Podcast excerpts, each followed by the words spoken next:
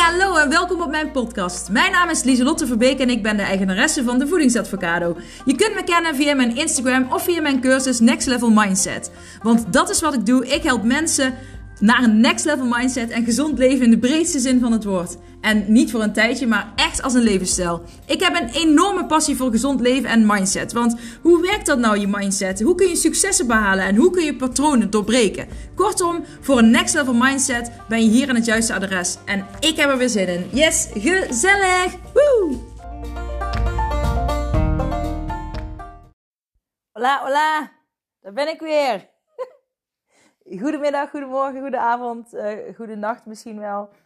Ik ben hier weer vanuit my home place samen met Lacey, die op de achtergrond wordt en Roef, die me nou aanvalt. Roef de kat. Hey, hey schat.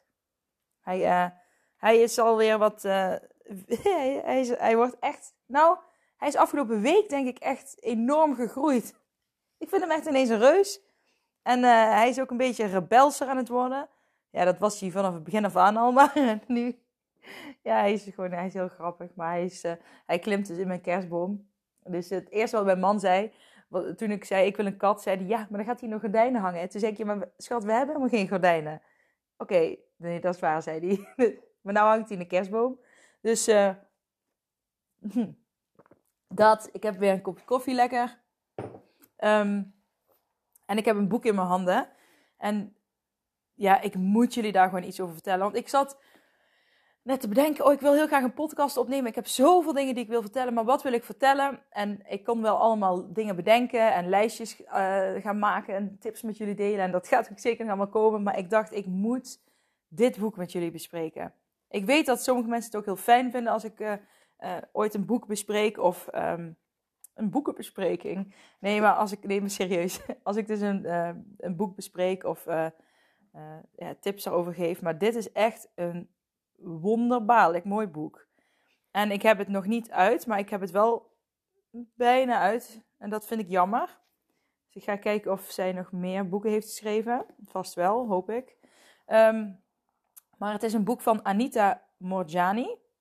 En waarschijnlijk uh, hebben jullie het vast wel eens ooit gehoord of niet. Maar het heet Ik moest doodgaan om mezelf te genezen. En volgens mij is de Engelse vertaling Dying to be me. Maar dat durf ik niet met 100% zekerheid te zeggen. Maar deze heet dus Ik moest doodgaan om mezelf te genezen. En het voorwoord is van Wayne Dyer. Daar heb je vast ook wel van gehoord. Dat is ook een, nou ja, een, een, een um, grootse ja, spreker, uh, mindset guru, gast.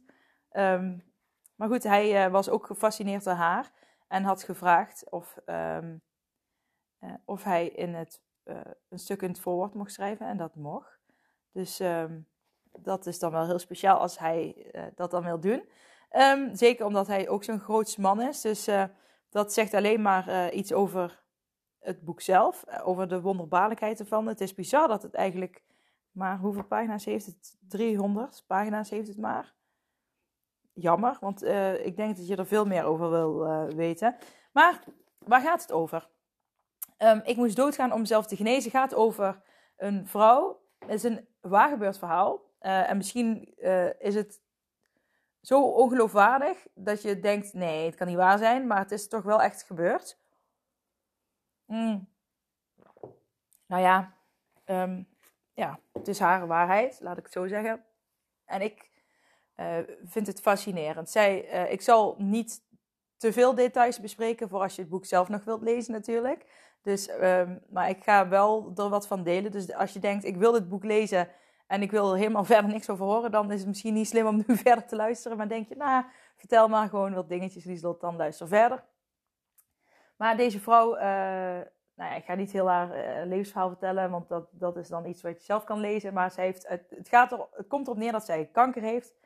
Zij ligt uh, op een gegeven moment in een coma in het ziekenhuis.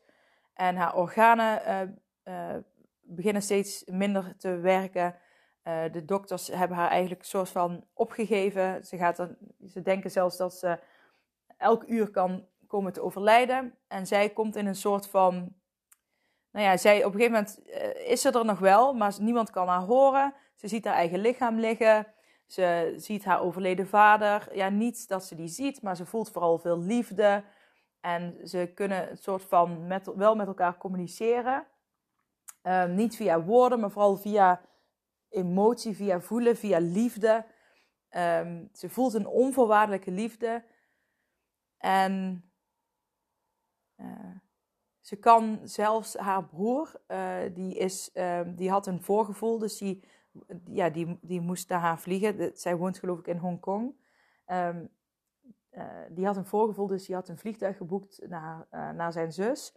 En zij wist dat, zij ziet hem ook zitten in het vliegtuig. Zij, zij kan op meerdere plekken tegelijk zijn. Ja, ze, maar niet fysiek, maar uh, tijd is weggevallen, het lichamelijke is weggevallen. Er blijft vooral onvoorwaardelijke liefde over. Intens meevoelen met elkaar. En ja, ik kan het niet zo mooi omschrijven zoals het in het boek staat. Maar zij beschrijft dus in het boek helemaal wat zij op dat moment ervaart, wat ze ziet. Ze hoort alle zusters praten. de doktoren hoort ze op de gang tegen haar man zeggen van... uw vrouw gaat waarschijnlijk binnen een paar uur overlijden. Ze is overal en nergens. En um, op een gegeven moment uh, ja, zegt haar vader ook, ja, nou ja, niet dus met echte woorden, maar zij ziet zijn schim en zij voelt ja, dat ze met elkaar praten. Beter kan ik het niet zeggen. En hij zegt ook, als je nu nog verder gaat hier, dan um, kun je niet meer terug. Maar je kunt nog terug. En dan zegt ze ook, ja, maar mijn lichaam is zo ziek. Uh, nou ja, de, zoveel pijn. Want ze had dus ook helemaal geen pijn meer. En ze kon weer ademhalen en ze voelde zich helemaal vrij. En Um, uiteindelijk uh, uh, had ze ook het gevoel dat ze dingen, wat was het ook weer, dat ze iets moest gaan delen. Um, dat ze een, doel had, dat ze mensen, veel, ja, veel mensen kon uh, bereiken. Um, met een verhaal, hoe of wat, dat, dat, dat, dat hoefde ze niet uit te zoeken, want het zou zichzelf ontvouwen. anyways, uiteindelijk is ze dus gewoon weer teruggekomen. En uh, ze wist dat de dokter komt daar vertellen dat mijn organen toch wel weer, dat mijn organen toch wel weer aan het werken zijn. Nou, ze deed haar ogen open, ze werd wakker en de dokter kwam binnen met het nieuws: je organen werken weer. Nou, uiteindelijk gaat het verhaal zo ver dat ze dus uiteindelijk op zoek zijn naar die kanker. En um, ja, die, is op, die, die trekt zich steeds verder terug, laat ik het zo zeggen. Op een gegeven moment is hij gewoon helemaal verdwenen. Uh, ja, en dat vind ik gewoon fascinerend. Ik, uh, wat ik lastig vind aan dit verhaal is uh, de mensen die ik zelf om mij heen ken, die zijn overleden aan kanker. ik zal het maar gewoon bij zijn naam noemen. Um, ja, dan hoop je natuurlijk ook dat ze um, zoiets magisch mee mogen maken dat het ineens helemaal weg is. Uh, dus ergens denk ik dan van, ja, maar het kan toch niet waar zijn, want er zouden toch veel meer mensen dat moeten hebben. Hè, hoe zit dat dan? Maar goed, daar, daar zal ik waarschijnlijk nooit achter gaan komen. Maar ik vind het wel heel fascinerend van, dus, dus wat dat betreft, ja, dat ze ineens helemaal ja, kankervrij is, dat vind ik gewoon bizar. ik wil er graag in geloven, omdat ik het, het is positief. Um, daar hou ik van en... Uh, in geloven in wonderen is uh, nooit verkeerd om te doen. Um, maar goed, uh, ja, het, het, het, het, geeft je wel veel vragen, laat ik het zo zeggen. Maar wat ik dus ook heel erg mooi vind, is... Jullie weten dat ik een angststoornis heb, hypochondrie. En ik sprak laatst ook mensen... Ik spreek wel vaker mensen die ook last hebben van angsten. En sommigen hebben ook last van hypochondrie. En uh, ik merkte toen we het daarover hadden dat het bij mij ook nog het een en ander aanwakkerde. En uh, ja, als ik het met iemand over hypochondrie heb, die ook hypochondrie heeft, op een gegeven moment, ik, nou, ik merkte in het gesprek dat mijn angst ineens met de angst van die andere persoon in gesprek ging. En toen dacht ik, ho, ho, ho. Uh, dat is niet de bedoeling, hè? We moeten niet met angst en angst met elkaar gaan praten, want dan ga je elkaar voeden. En toen, daar schrok ik wel een beetje van, want toen dacht ik, oké, weet je, de, de angst blijft gewoon, dat wist ik al, maar dat blijft mijn zwakke plek. En uh, soms frustreert me dat, soms irriteert me dat. Um, ja, ik wil dan de ander ook heel graag helpen, Maar ik heb zelf ook nog niet alle antwoorden, omdat ik zelf, ehm, ja, mijn hypochondrie, laat ik het zo zeggen, voor uh, 90, 95 procent eh, heb, is dat helemaal oké. En er blijft altijd een 5 tot, nou, 10 procent is wel echt veel. Zeg 95 procent, 5 procent blijft altijd dat het even een beetje getriggerd kan worden. En dat blijft nu, en dat is wel gewoon, weet je wel, dan, dan is dat er even, even, sorry, ik probeer iets Nederlands, weer beter Nederlands te praten. Maar dan is dat er even en dan mag dat er ook zijn. En dan pas ik alle dingen toe die ik zelf ook uh, aan anderen leer bij, uh, vanuit Acceptance and Commitment Therapy. En um, ook gewoon focus op ademen, te mogen laten zijn. Een emotie gaat weer voorbij. Het is, van de, uh, het is niet van mij, het is van de ander. Het is allemaal van die dingen waar ik dan, um, ja, ja, die ik dan toepas, maar niet in een extreme mate dat ik soort van aan het vechten ben, want ik mag het niet voelen. Nee, het mag er zijn. Dat is het allerbelangrijkste. Het mag er zijn. Maar ik schrok er wel een beetje van dat ik dacht: oh, irritant, waarom, um, ja, waarom zit dat er nou nog zo? En um, waarom vind ik het zo lastig om over, hè, van als iemand ziek is of iemand wordt ziek. Nou ja, wat ik dus altijd heb, um, dat is misschien wel interessant, ook interessant zijweggetje om nog te melden. Aangezien ik toch heel open altijd ben in mijn podcastafleveringen. Ik, uh, nou ja, als iemand bijvoorbeeld, uh, ik, wat is het nou? Nou ja, een, een, uh, iemand die ik kende, die had, nou ja, geen goede cellen in de baarmoeder. En um, meteen toen ze dat zei, kreeg ik last van mijn baarmoeder. En daar heb ik ook heb ik weken last van gehad. iemand die zegt, ik heb last van mijn pols. dan kan ik ook weken last hebben van mijn pols. Ja, het hoeft niet altijd weken te zijn, het kan ook een paar dagen zijn. Maar elke keer nam ik soort van, die, leek het wel of ik precies die pijn die die andere voelde overnam. En um, ik dacht dat ik dat altijd deed, gewoon psychisch. En dat dat ook vanuit mijn hypochondrie kwam. Maar nu was ik dus ook bij Marcella, bij de coaching uh, afgelopen week. En toen hadden we het daar ook over. En um, nou ja, ik geloof erin wat zij dan tegen mij zegt. Hè. Bij haar ga ik heel diep, ook op spiritueel vlak gaan we wat dieper. En um, nou ja, zij gaf mij ook gewoon aan dat ik heel gevoelig ben. Ik kan dus blijkbaar, dat wist ik niet, want ik heb het altijd als iets negatiefs gezien. Van ik, waarom neem ik altijd al die dingen over van andere mensen? Maar blijkbaar kan ik dus, uh, ja, het klinkt misschien raar als ik het zeg, maar ik kan wel gewoon, als ik aan iemand denk, dan kan ik voelen uh, wat die persoon voelt. Uh, en meestal de pijn, pijntjes. Ja, dat is niet leuk natuurlijk, maar zij heeft mij wel geleerd van uh, zij maakt dus ook waskaarten. Dat is, je zou, ja, dat is, ik heb er ook ooit eentje laten maken bij haar. En dan denkt ze aan mij. En dan gaat ze gewoon een waskaart maken met waskrijt. En dan gaat ze daarna geloof ik met strijkijzer nog overheen. Nou ja, ik weet de techniek niet helemaal. Maar uh, dan, en naar aanleiding daarvan komen dan natuurlijk kleuren en vormen. Um, en alles wat, zij, wat er dan in haar opkomt, schrijft ze op.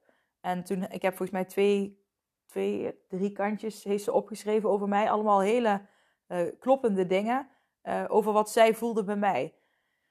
En um, zij heeft dan niet dat ze die pijntjes zo, zo per se voelt. Maar goed, uh, zij zei, maar dat kan jij dus ook. Alleen, um, ja, ik ben dus van de watercoloring en dergelijke. Dus ik ga er wel eens mee... ik ga daar wat vaker mee experimenteren. dus als ik dan iets voel dat ik het bijvoorbeeld eruit teken... En dat ik dan in die persoon denk, dingen opschrijf en dan ook zeg het is van die persoon. Het hoeft niet van mij te zijn, maar uh, wat zij toen bij mij had gedaan, ik hoop dat je nog kan volgen, was wel heel uh, inzichtgevend. En ik vond het uh, gewoon vet dat zij gewoon hele pakkende dingen kon zeggen uh, over mijn gezinssamenstelling, over vroeger, over nu. Um, dingen waar, waar ik last van zou kunnen hebben, dingen die heel goed gaan. En nou, ik vond het eigenlijk wel heel goed kloppen. En af en toe lees ik het ook nog eens een keer om er weer opnieuw inspiratie uit te halen. Dus dat vond ik mega vet. En zij zei van, ik denk dat jij dat ook kan. En uh, naar aanleiding daarvan zijn we ook een soort van, ja, hypnotische... ja, het was geen hypnose, maar wel ja, een soort oefening dat we heel erg... Op, uh, dat ik heel erg vanuit mijn onderbewustzijn aan het praten was. Ja, en dat laat ik maar even gewoon zoals het is. Het was wel heel vet, mega gaaf, maar het is een ingewikkeld iets om nu op de podcast te benoemen. Omdat er ook tekeningen bij zaten en uh, ik zelf um, niet alles meer herinner. Marcella heeft het wel voor mij opgeschreven. Um, maar goed, dat, dat. Maar dat was, was heel, een hele gave ervaring. Um, dus ik ben daar op dat, wat, op dat gebied wel meer mee bezig.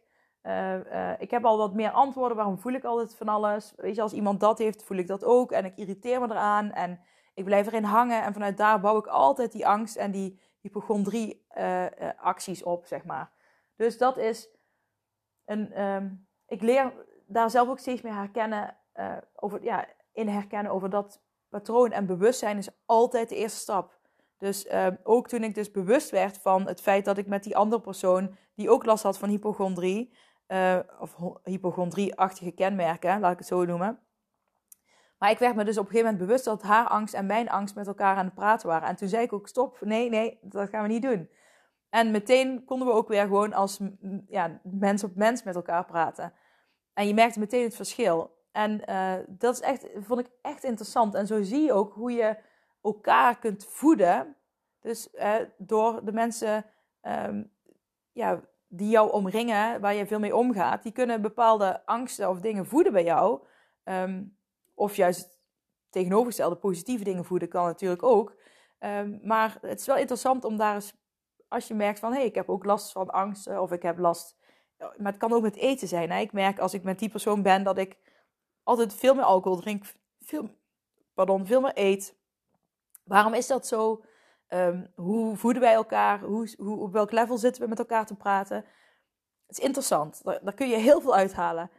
Um, maar goed, ik, terug naar die hypochondrie.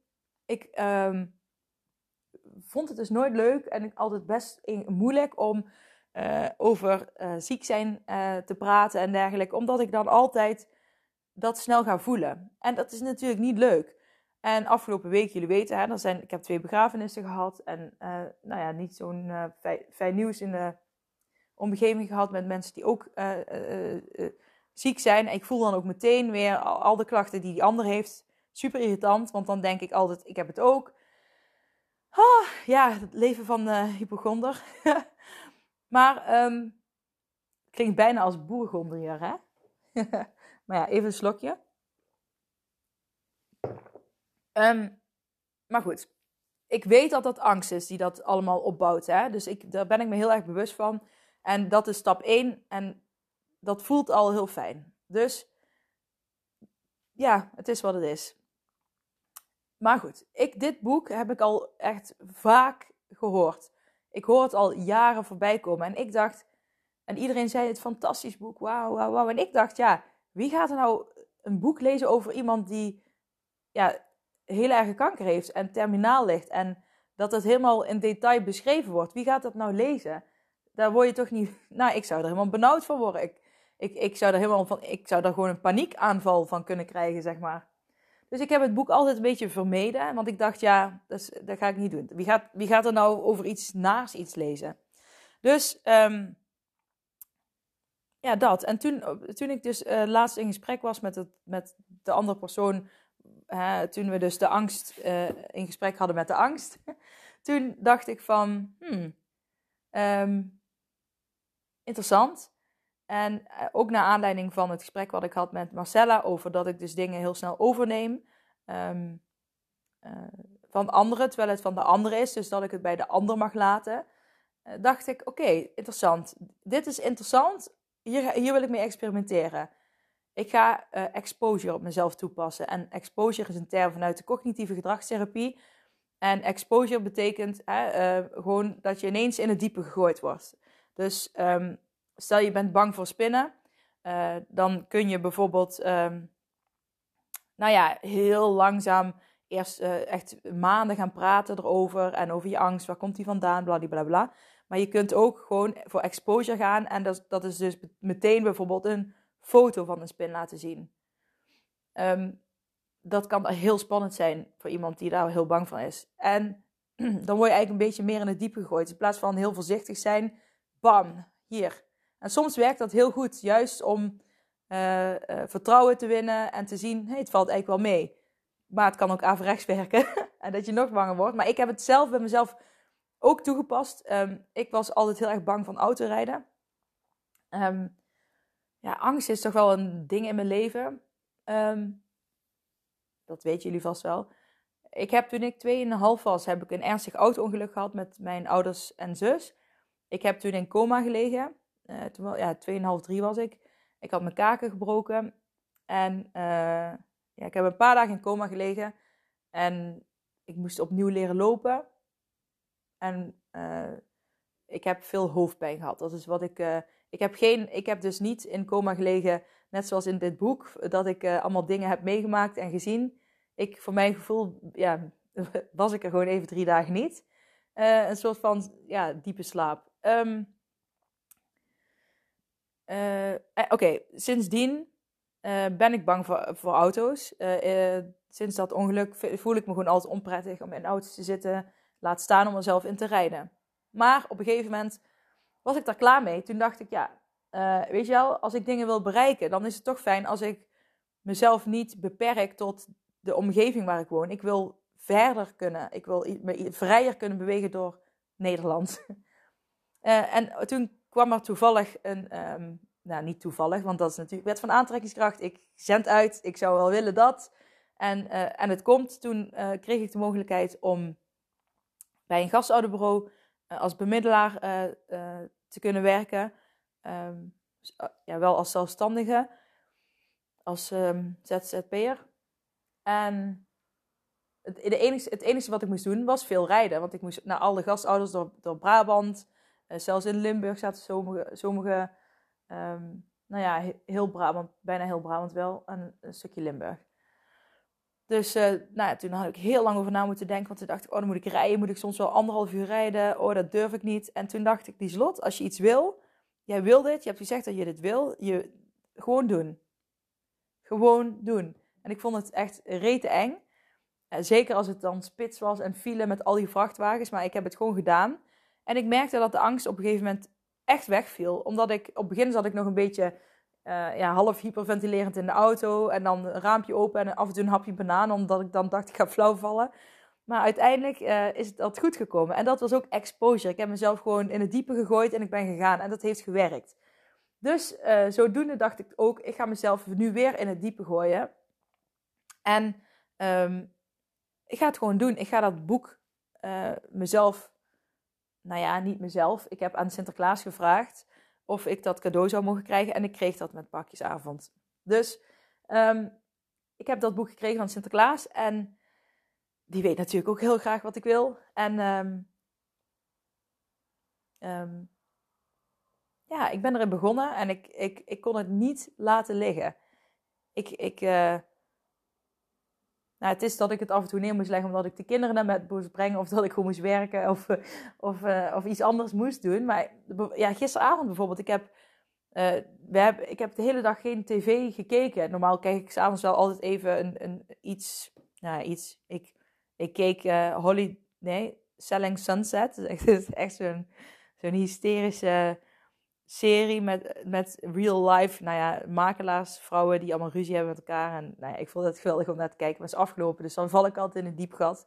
En dan weet ik niet wat ik voor serie moet kijken. Dus als je nog een leuke tip hebt, let me know. Maar uh, ik, ik, ik was zo aan het lezen. Ik heb gewoon geen tv gekeken. En ik moet zeggen, dat komt niet zo heel vaak voor. Want meestal wil ik toch altijd even, even iets kijken. Nou ja, gewoon iets.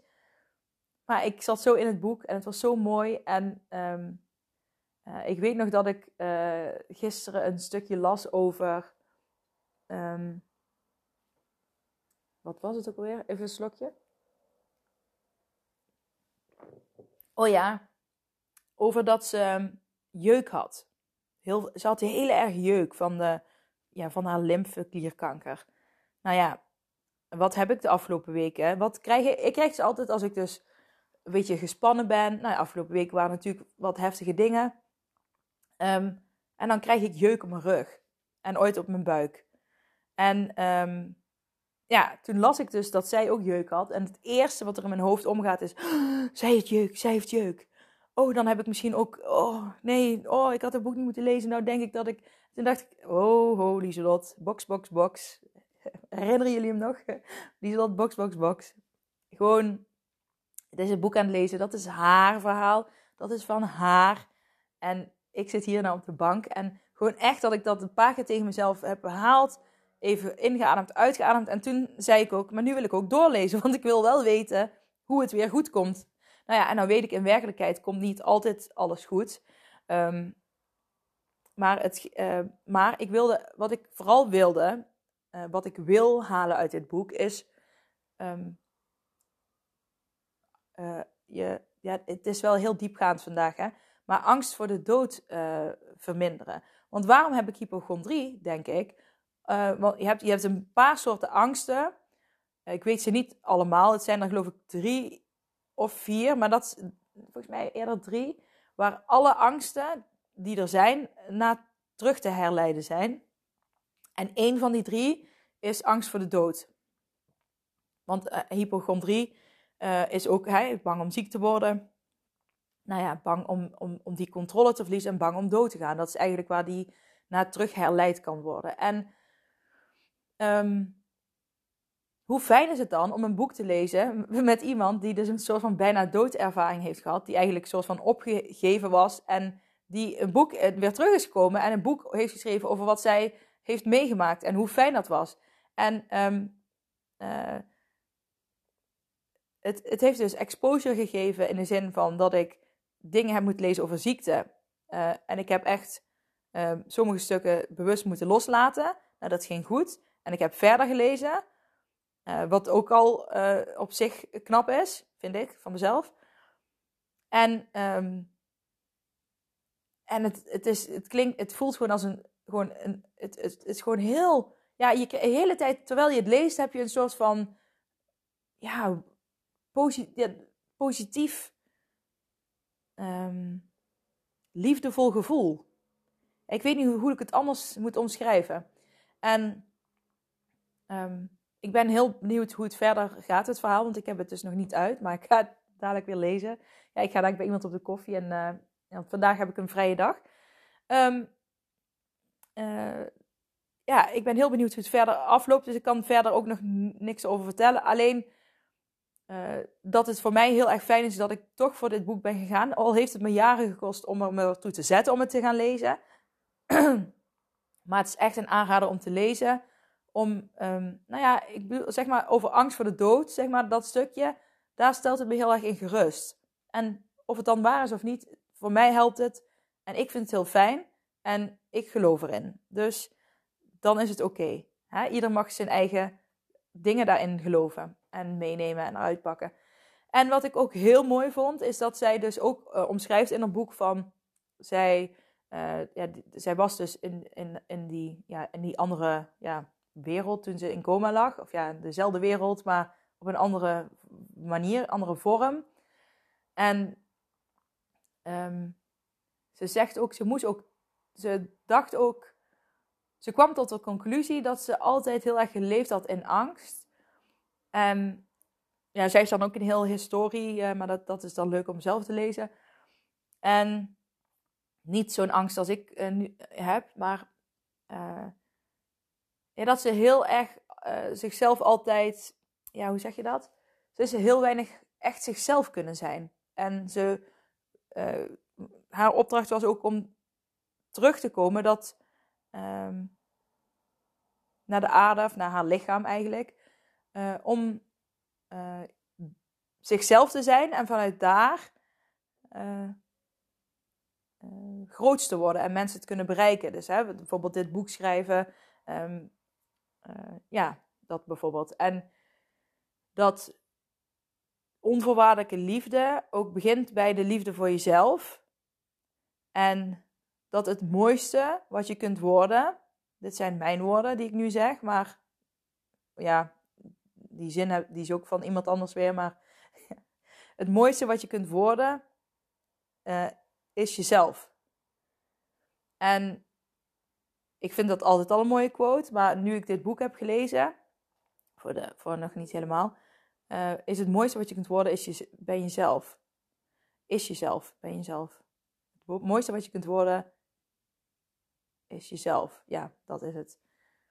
En dat begint echt bij die liefde voor jezelf voelen, maar ook gewoon zijn zoals je bent. En ik ehm, kan daaraan toevoegen, toen ik laatste sessie gaf, nou, niet alleen dat sessie voor mijn uh, decembergroep, maar ook uh, voor andere coachings, uh, coaches. Dat is dan een nieuw hip woord, hè, coaches. Ik zeg altijd klanten, maar coaches is een nieuw hip woord. Maar ik noem het gewoon klanten. Maar voor de andere klanten die ik heb, uh, tot nu toe, bijna alle klanten die ik heb, luisteren ook deze podcast. Dus hallo, hallo, leuk dat je luistert. um, want dat zeggen ze tegen mij. En dan uh, vaak als ze dan bij mij komen, dan zeggen ze: Oh, ik had die aflevering gehoord en jij zei dit en dit en dat. Zullen we daar even dieper op ingaan? Ja, top. En eh, weet je wel, dat is gewoon helemaal leuk. Um, maar wat ik fijn vind is dat sommige mensen van verder weg komen. Helemaal rijden ze dan naar mijn huis om van mij uh, die coaching ja, therapiecoaching uh, te krijgen. Terwijl ze zeg maar in de tussentijd misschien wel 30 anderen uh, die ook coach zijn, zo voorbij rijden, bij wijze van. Maar dan komen ze hierheen en dan zeggen ze: Ja, maar ik luister jouw podcast en ik hoor aan jou um, hoe jij denkt en um, wat je doet. En ik weet dat jij wel mij kan helpen. En ik vind dat zo'n mooi compliment. Dus dank je wel daarvoor. Want, um, nou ja, laatst zei iemand het ook, Lieselt, jij, eh, toen, ik heb het misschien in een andere podcast al verteld, toen ik die december uh, maand uh, groepsessie de eerste had online, toen, ik heb een kerstboom in mijn praktijkruimte staan, een klein houten met lampjes eromheen, van de Action geloof ik, zo'n, ja, zo'n gewoon eenvoudig boompje van hout. Um, maar ja, toen begonnen we en toen viel die boom om natuurlijk voor mij en één vrouw moest lachen. Die zei, ja, dit is precies zoals het in je podcast ook gaat. En uh, uh, af en toe gebeurt er iets, en, uh, hè, maar je bent gewoon jezelf. En, en toen dacht ik ook van, ik kan gewoon mijn werk doen en ik kan 100% mezelf zijn. En ik word daar gewoon een beetje emotioneel van ook nu. Omdat ik, um, nou ja, ik vind het ook niet gek dat, dat ik er emotioneel van word. Oh, kijk, mijn roefje gaat ook een beetje, ja, kroelen meteen. Ah, katten voelen dat ook aan, hè? En um, honden ook trouwens. Maar, um, nou, zoals jullie weten.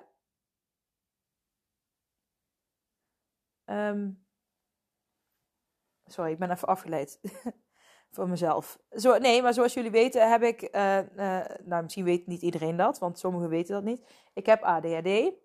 En uh, daar ben ik pas op mijn dertigste ongeveer af, achtergekomen. Dus ik weet het nou een paar jaar. Maar ik heb me altijd anders gevoeld, ook op de basisschool. Ik, ik moest altijd, zeg maar, om ergens bij te horen, moest ik niet mezelf zijn. Moest ik altijd een masker ophouden of, um, ja, een, een, een, masker. Of ik moest mezelf altijd heel erg aanpassen. En het gekke is, het lukte ook altijd heel goed.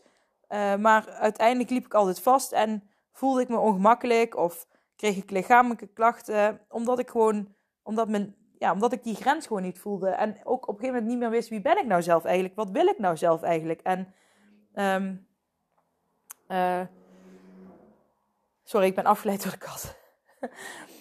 maar ik was gewoon, ik wist gewoon niet wie ik zelf was. En ik, ik, want ik, en ik paste overal heel goed bij. Ik kan me goed aanpassen. En dat was het hele ding. Ik kon me zo goed aanpassen de hele tijd dat ik uh, niet meer wist wie ben ik dan eigenlijk. En uh, uh, hoe kunnen andere mensen zich dan in zo'n groep wel heel fijn voelen? En waarom voel ik, voelt het voor mij dan toch altijd als. de ben ik niet. En hoe kunnen andere mensen zich zo fijn voelen? En waarom vind ik dat niet fijn? Waarom hou ik niet van. Nou, ik hou bijvoorbeeld niet van groeps. ja, ik hou wel van groepen, maar ik bedoel uh, ik bepaal zelf heel graag wat ik zelf doe. Ik zit niet graag in een groep dat ik de hele dingen moet, want daar, daar, daar word ik onrustig van. Maar dat deed ik dan toch een tijdje, tot het op een gegeven moment ja, niet meer vol te houden was. En dan stopte ik weer en dan bleef ik maar zoeken. En dan ging ik weer naar een nieuwe groep, want ik dacht ik moet bij een groep horen. En zo ging ik maar door. Um, ik had wel vrienden niet daarvan, maar ik heb me gewoon heel vaak heel erg aangepast. Omdat ik dacht, dat moet zo sociaal wenselijk. Uh, moet dat. Iedereen doet dat. Maar ik kwam er dus langzamerhand achter dat niet iedereen dat doet. En op een gegeven moment eiste dat ook zijn tol van mij. Nou ja, je kent het verhaal. Mijn oren gingen piepen. Uh, mijn lichaam uh, ging trillen. Nou, noem maar op.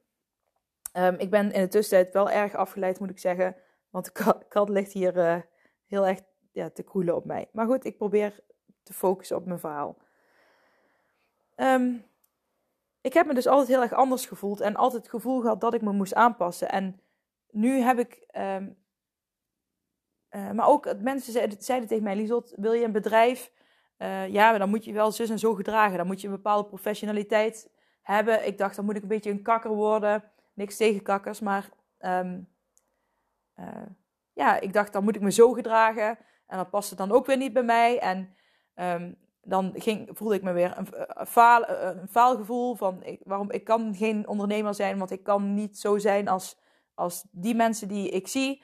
En dan, dan, achteraf dacht ik ook van, het zijn eigenlijk ook geen voorbeelden per se voor mij, maar ik heb dan gewoon, ja, een soort van eh, tegen mezelf gezegd, ik moet zo zijn om, ja, om dat te kunnen doen. Terwijl dat dan helemaal niet bij mezelf past. En het raakt me nu gewoon ergens dat ik, um, ik denk het mooiste wat je ja, kunt krijgen is een compliment. al, al, de complimenten nou ja, voor mij dan eh, op werkgebied, dat mensen gewoon zeggen van ik luister je podcast. Oh, je bent, in het, je bent in het echt net zoals op je podcast. Dat is ook echt zo. Als mensen bij mij komen en zeggen, oh Lieselotje, dat is echt zo grappig. Je bent gewoon precies hetzelfde. Ik, uh, ik, hoe jij praat, alles. Uh, je bent hetzelfde als op de podcast. En dat probeer ik ook. Ik ben gewoon mezelf.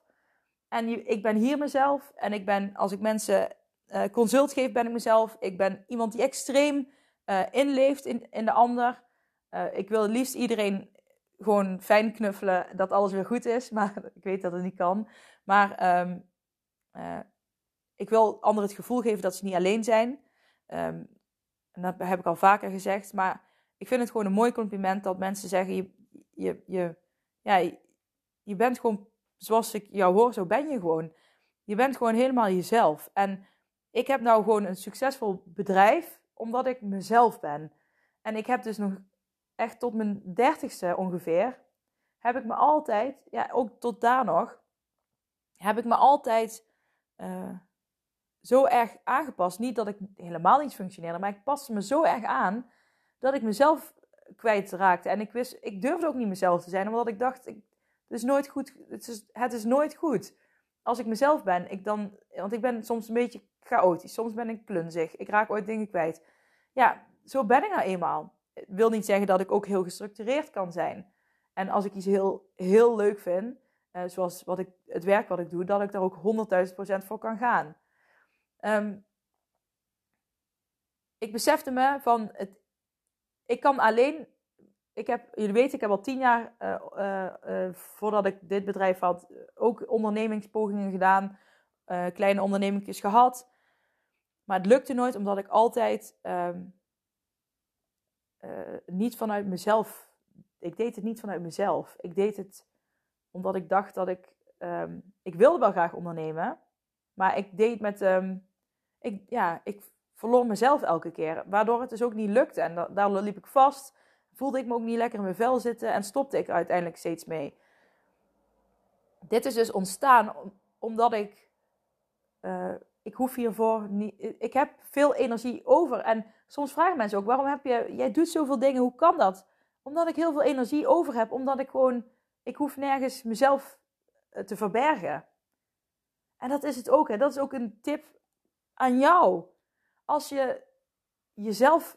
Uh, als je jezelf meer energie wil geven. Laat jezelf dan ook meer jezelf zijn.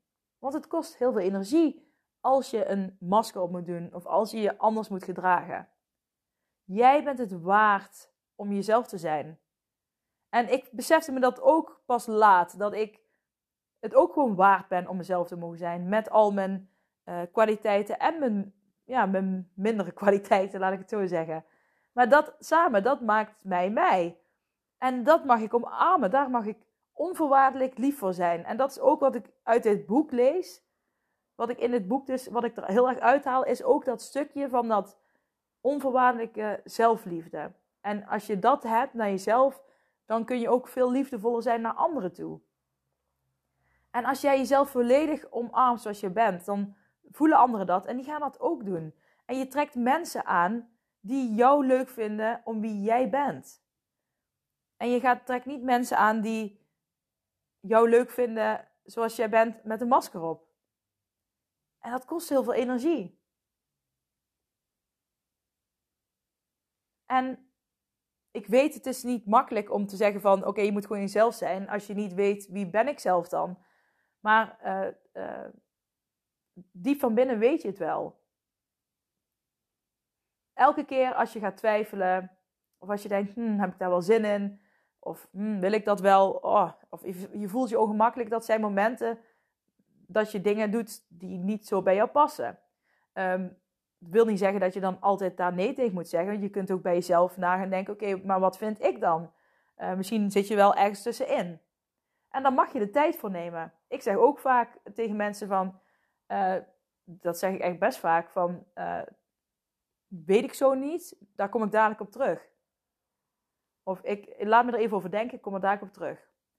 Sowieso omdat ik weet, dat, weet ik dus, dat mijn hersenen soms informatie even eerst binnen moeten laten komen. Dan valt dat. En, uh, en dan ga ik er pas over nadenken, zeg maar. Uh, datzelfde als vroeger zei, zei ik overal ja op. Zei iemand, oh Liesot, wil je bij ons bij de vereniging, uh, weet ik, muziek maken? Oh ja, vet! En dan, oh, Liesot, wil je, ik zeg maar even iets, boswandelingen gaan doen elke week? Oh ja, vet! Uh, en dan, ik vond alles super vet. En ik zei overal ja, super vet. En dan sliep ik er een nachtje over. En dan dacht ik de dag daarna van, hmm, ik vind het wel leuk, maar ik weet niet echt of het echt is wat ik wil. En dan ging ik er twijfelen en dan voelde ik me ongemakkelijk, omdat ik dus ja had gezegd. En dan moest ik het weer af gaan zeggen, want omdat ik het eigenlijk toch niet wilde. Hier hoor je meer. Eigenlijk het mega krachtige woord. Eigenlijk wat ik gewoon dus eerst als geen krachtig woord zag. Maar um, ja, gebruik die ook hè. Van dit doe ik, maar wat ik eigenlijk wil. Of eigenlijk en dan ontdek je dus ehm, wat je echt wil en wat je echt bedoelt. En luister ook naar je lichaam. Je lichaam geeft vaak, als je lichaam gaat aangeven, overal pijntjes, uh, klachten die moeilijk te verklaren zijn door de huisarts bijvoorbeeld.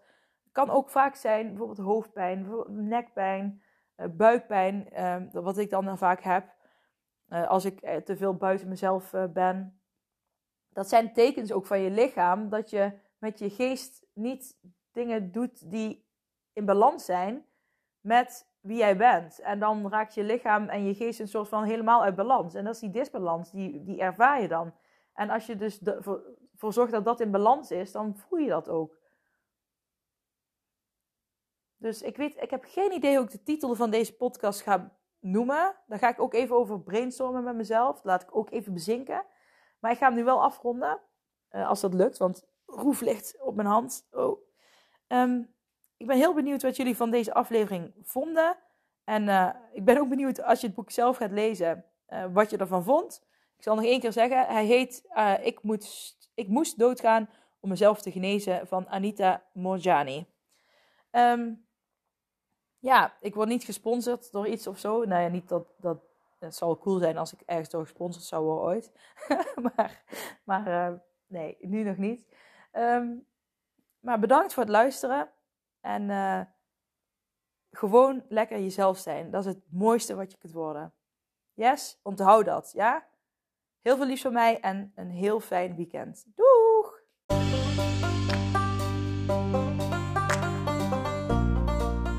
Dat was het weer voor deze keer. Bedankt voor het luisteren en voor alle gratis content die ik deel. Zou ik je één dingetje terug mogen vragen? En dat is om een printscreen te maken van deze podcast en deze te delen op social media met vrienden, familie en of collega's en iedereen waarvan jij denkt: dit moet je horen.